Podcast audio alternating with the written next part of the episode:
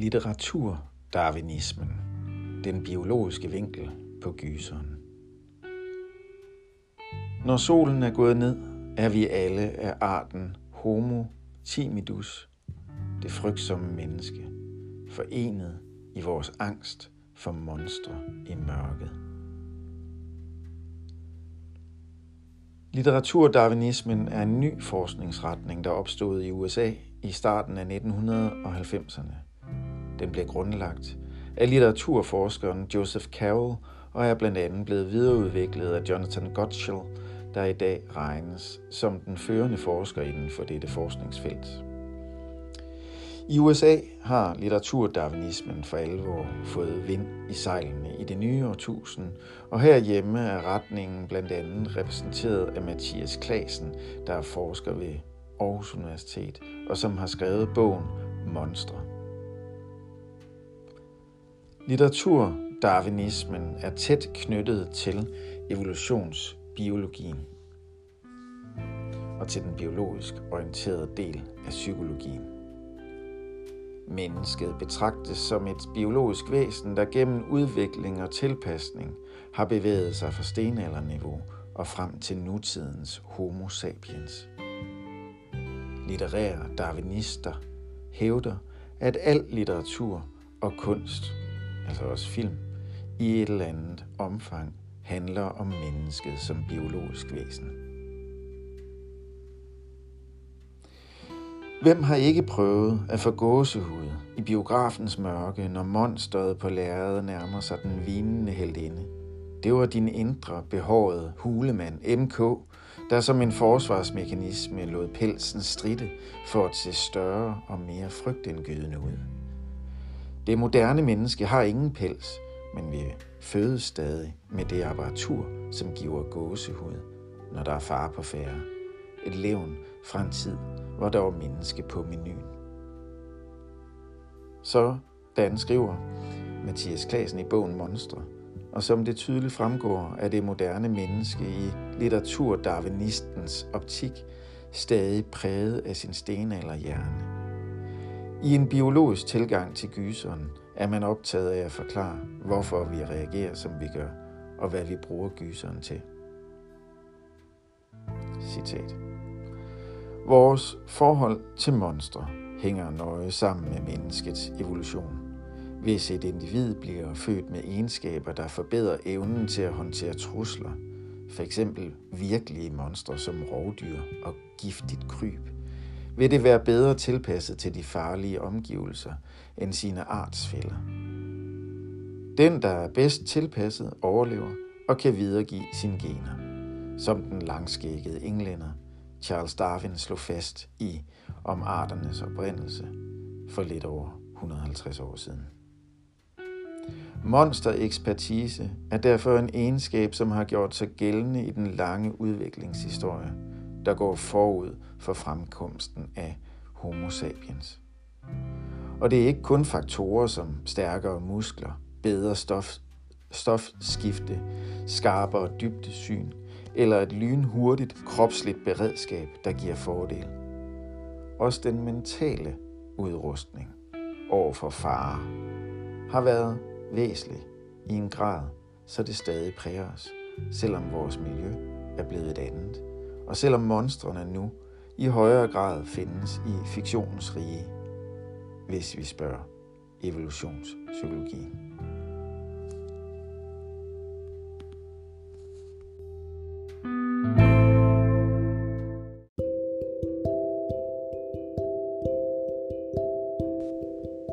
Evolutionspsykologiens centrale påstand er nemlig, at det menneskelige sind er et slags organ, som er blevet til gennem en evolutionær proces, præcis ligesom andre organer. Citat. Uden frygt ville vi ikke overleve ret længe, navnlig ikke på den østafrikanske savanne, hvor vores evolutionære forfædre slog deres folder. Citat slut. Vi har en forprogrammeret frygt for f.eks. slanger, æderkopper, mørke, indelukkede rum, dybt vand. Det er slående, at kryb og så videre ikke spiller en væsentlig rolle i moderne dødsstatistikker. Der er en uoverensstemmelse mellem de ting, vi burde være bange for, og de ting, vi typisk er bange for. Pointen er, at skræk i bøger, i film, i computerspil og så videre kører på den samme neurologiske hardware som rigtige trusler i den virkelige verden. Spørgsmålet er, hvorfor skræk på fiktion kan være behagelig, når skræk i den virkelige verden sjældent er det. Også her kan evolutionspsykologerne give os et præg. De argumenterer for, at vi er konstrueret til at finde nydelse i at lære om potentielle farer i verden omkring os.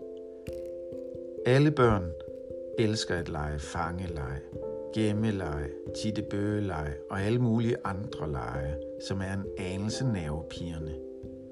Den forkærlighed deler de med andre pattedyrs unger, som også spontant kaster sig ud i leg og finder nydelse derved. Det skyldes formentlig, at de således omkostnings- og risikofrit kan opnå færdigheder, som kan redde dem senere i livet. Hvis man pludselig står over for en blodtørstig leopard eller en galning med en hævet økse, er det næppe en god strategi at forsøge sig frem på må og få med forskellige undvige manøvrer og dansetrin. Hvis man derimod har trænet et effektivt beredskab, gode motoriske færdigheder og spændstige muskler ved hjælp af leg, er man straks bedre stillet.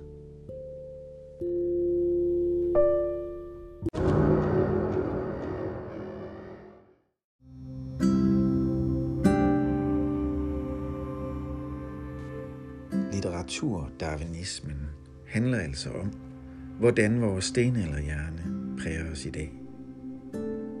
Gyserfilmen fascinerer, fordi vi har nogle indbyggede frygtmekanismer, der bliver kildet og trænet i biografen. Hvor filmanalytikere traditionelt mener, at vores hjerne indeholder fortrængte seksuelle lyster eller mandsjuvenistisk kvindeundertrykkelse, der ser litterære darwinisterne på vores indbyggede angst for rovdyr.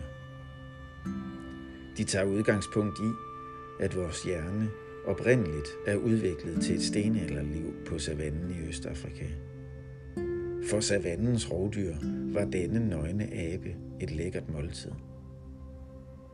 En kvist, der knækker. En hastig skygge. Et glimt af skarpe tænder. Mange er endt i dyrs maver. Mennesker ser elendigt om natten, mens mange rovdyr har et glimrende nattesyn, så farerne lurer derude i krattet. Her er vores angst og frygtberedskab blevet udviklet, mener litterære darwinisterne. Selvom det er godt 50.000 år siden, at homo sapiens udvandrede fra Afrika, så bor hulemanden stadig i os. I biologisk forstand er det kun et splitsekund siden, at vi forlod savannen, og hjernen er stort set den samme. Et jaget dyrs stenalderhjerne, mener litterære darwinisterne. Citat. Når barnet oplever en angstfølelse ved at høre om en heks eller en drage i et eventyr, er det fordi menneskebarnet rent biologisk er programmeret til at frygte alt, hvad der minder om et rovdyr.